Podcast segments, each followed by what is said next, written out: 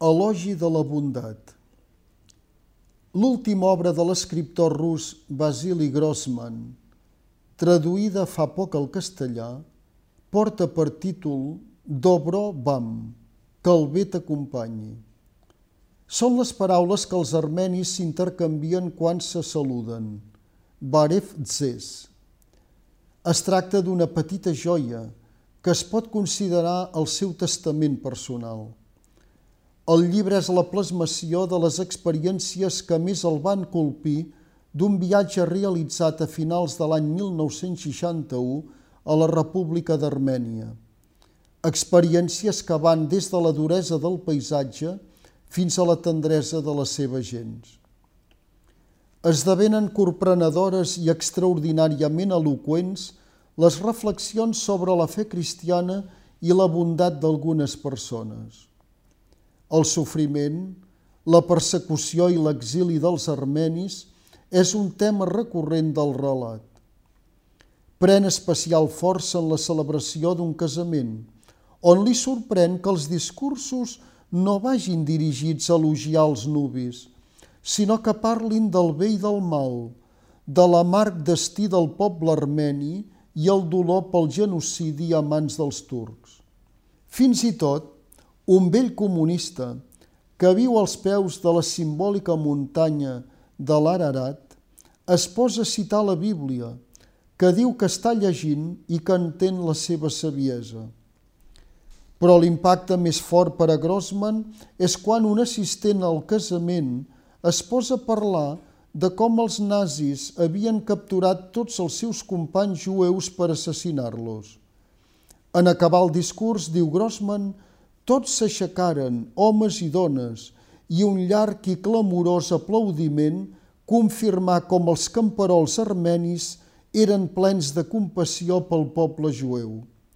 Tots es posaren a parlar dels jueus i els armenis, de la sang i els sofriments que els havien apropat. Amb la vivacitat de les millors novel·les russes, Grossman, que es considerava ateu, descriu admirablement els personatges que va coneixent, però els qui més el fascinen són els camperols armenis, amb la seva extraordinària religiositat, barrejada amb un deix de paganisme. En la recerca d'aquesta religiositat, té l'oportunitat de parlar amb el catòlicos Basgen I, el patriarca de l'Església Armènia, i encara que li sembla un home culte i amable, no hi sent en ell l'esperit del cristianisme, perquè els creients, afirma Grossman, no es veuen ni s'escolten, es senten. No hi troba en ell algú diferent, algú que li reveli el misteri de la fe. És d'una culta mundanitat, un intel·lectual amb qui es pot parlar sobre Dostoyevsky o Tolstoi és a dir, algú massa semblant a ell mateix. Però l'encontre que crearà, diu Grossman, una emoció en el meu cor que poques vegades he conegut, serà amb un camperol mig analfabet, l'ancià Alexei Mikhailovich. En ell hi va sentir a un creient, i no per les seves paraules, sinó per un sentiment que no enganya. No intentava convèncer-me, afirma Grossman, sinó que parlava amb amargura de com les persones no volien seguir la principal llei de la vida, des desitjar a tothom sense excepció el que desitges per a tu, desitjar-ho al marge de la riquesa i la pobresa, de la nacionalitat, de què es professi una fe o no, de la filiació política o de la no militància. Hi havia una força especial en les paraules de l'ancià, segueix Grossman, que ni el pes de la vida ni el pes del treball podien vèncer la seva força espiritual. La fe de l'ancià no existia fora de la seva vida, sinó que sabia fos amb ella. Eren paraules senzilles sobre la necessitat de compadir totes les persones, de desitjar a tots el mateix que nosaltres. Aquestes paraules no eren pronunciades en un to emfàtic ni arrogant, sinó amb tristesa.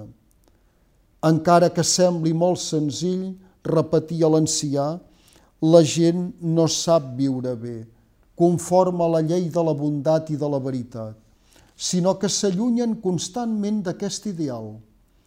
Aquesta fe, afirma Grossman, em va tocar perquè de sobte vaig comprendre la seva força, no dirigida a Déu, sinó als homes. Vaig comprendre que aquell ancià no podia viure sense ella, com no podia viure sense pa ni sense aigua, i que en nom d'ella s'enfrontaria sense dubtar-ho al suplici de la mort en creu. Hi ha un do que és superior al geni de la ciència i de la literatura, dels poetes i dels científics, diu Grossman. És el do suprem de la bellesa de l'ànima, de la generositat, de la convicció que el treball i la bondat són més forts que qualsevol mentida. El bé veritable és aliè a la forma i al formalisme, és indiferent a la materialització per mitjà dels ritus i de la imatge. Viu allà on hi ha un cor humà. Crec, acaba dient Grossman, que tant en la bondat del pagà com en l'impuls misericordiós del no creient, en la tolerància d'un creient a altres religions, el Déu bo dels cristians celebra la seva victòria. Aquí hi resideix la seva força.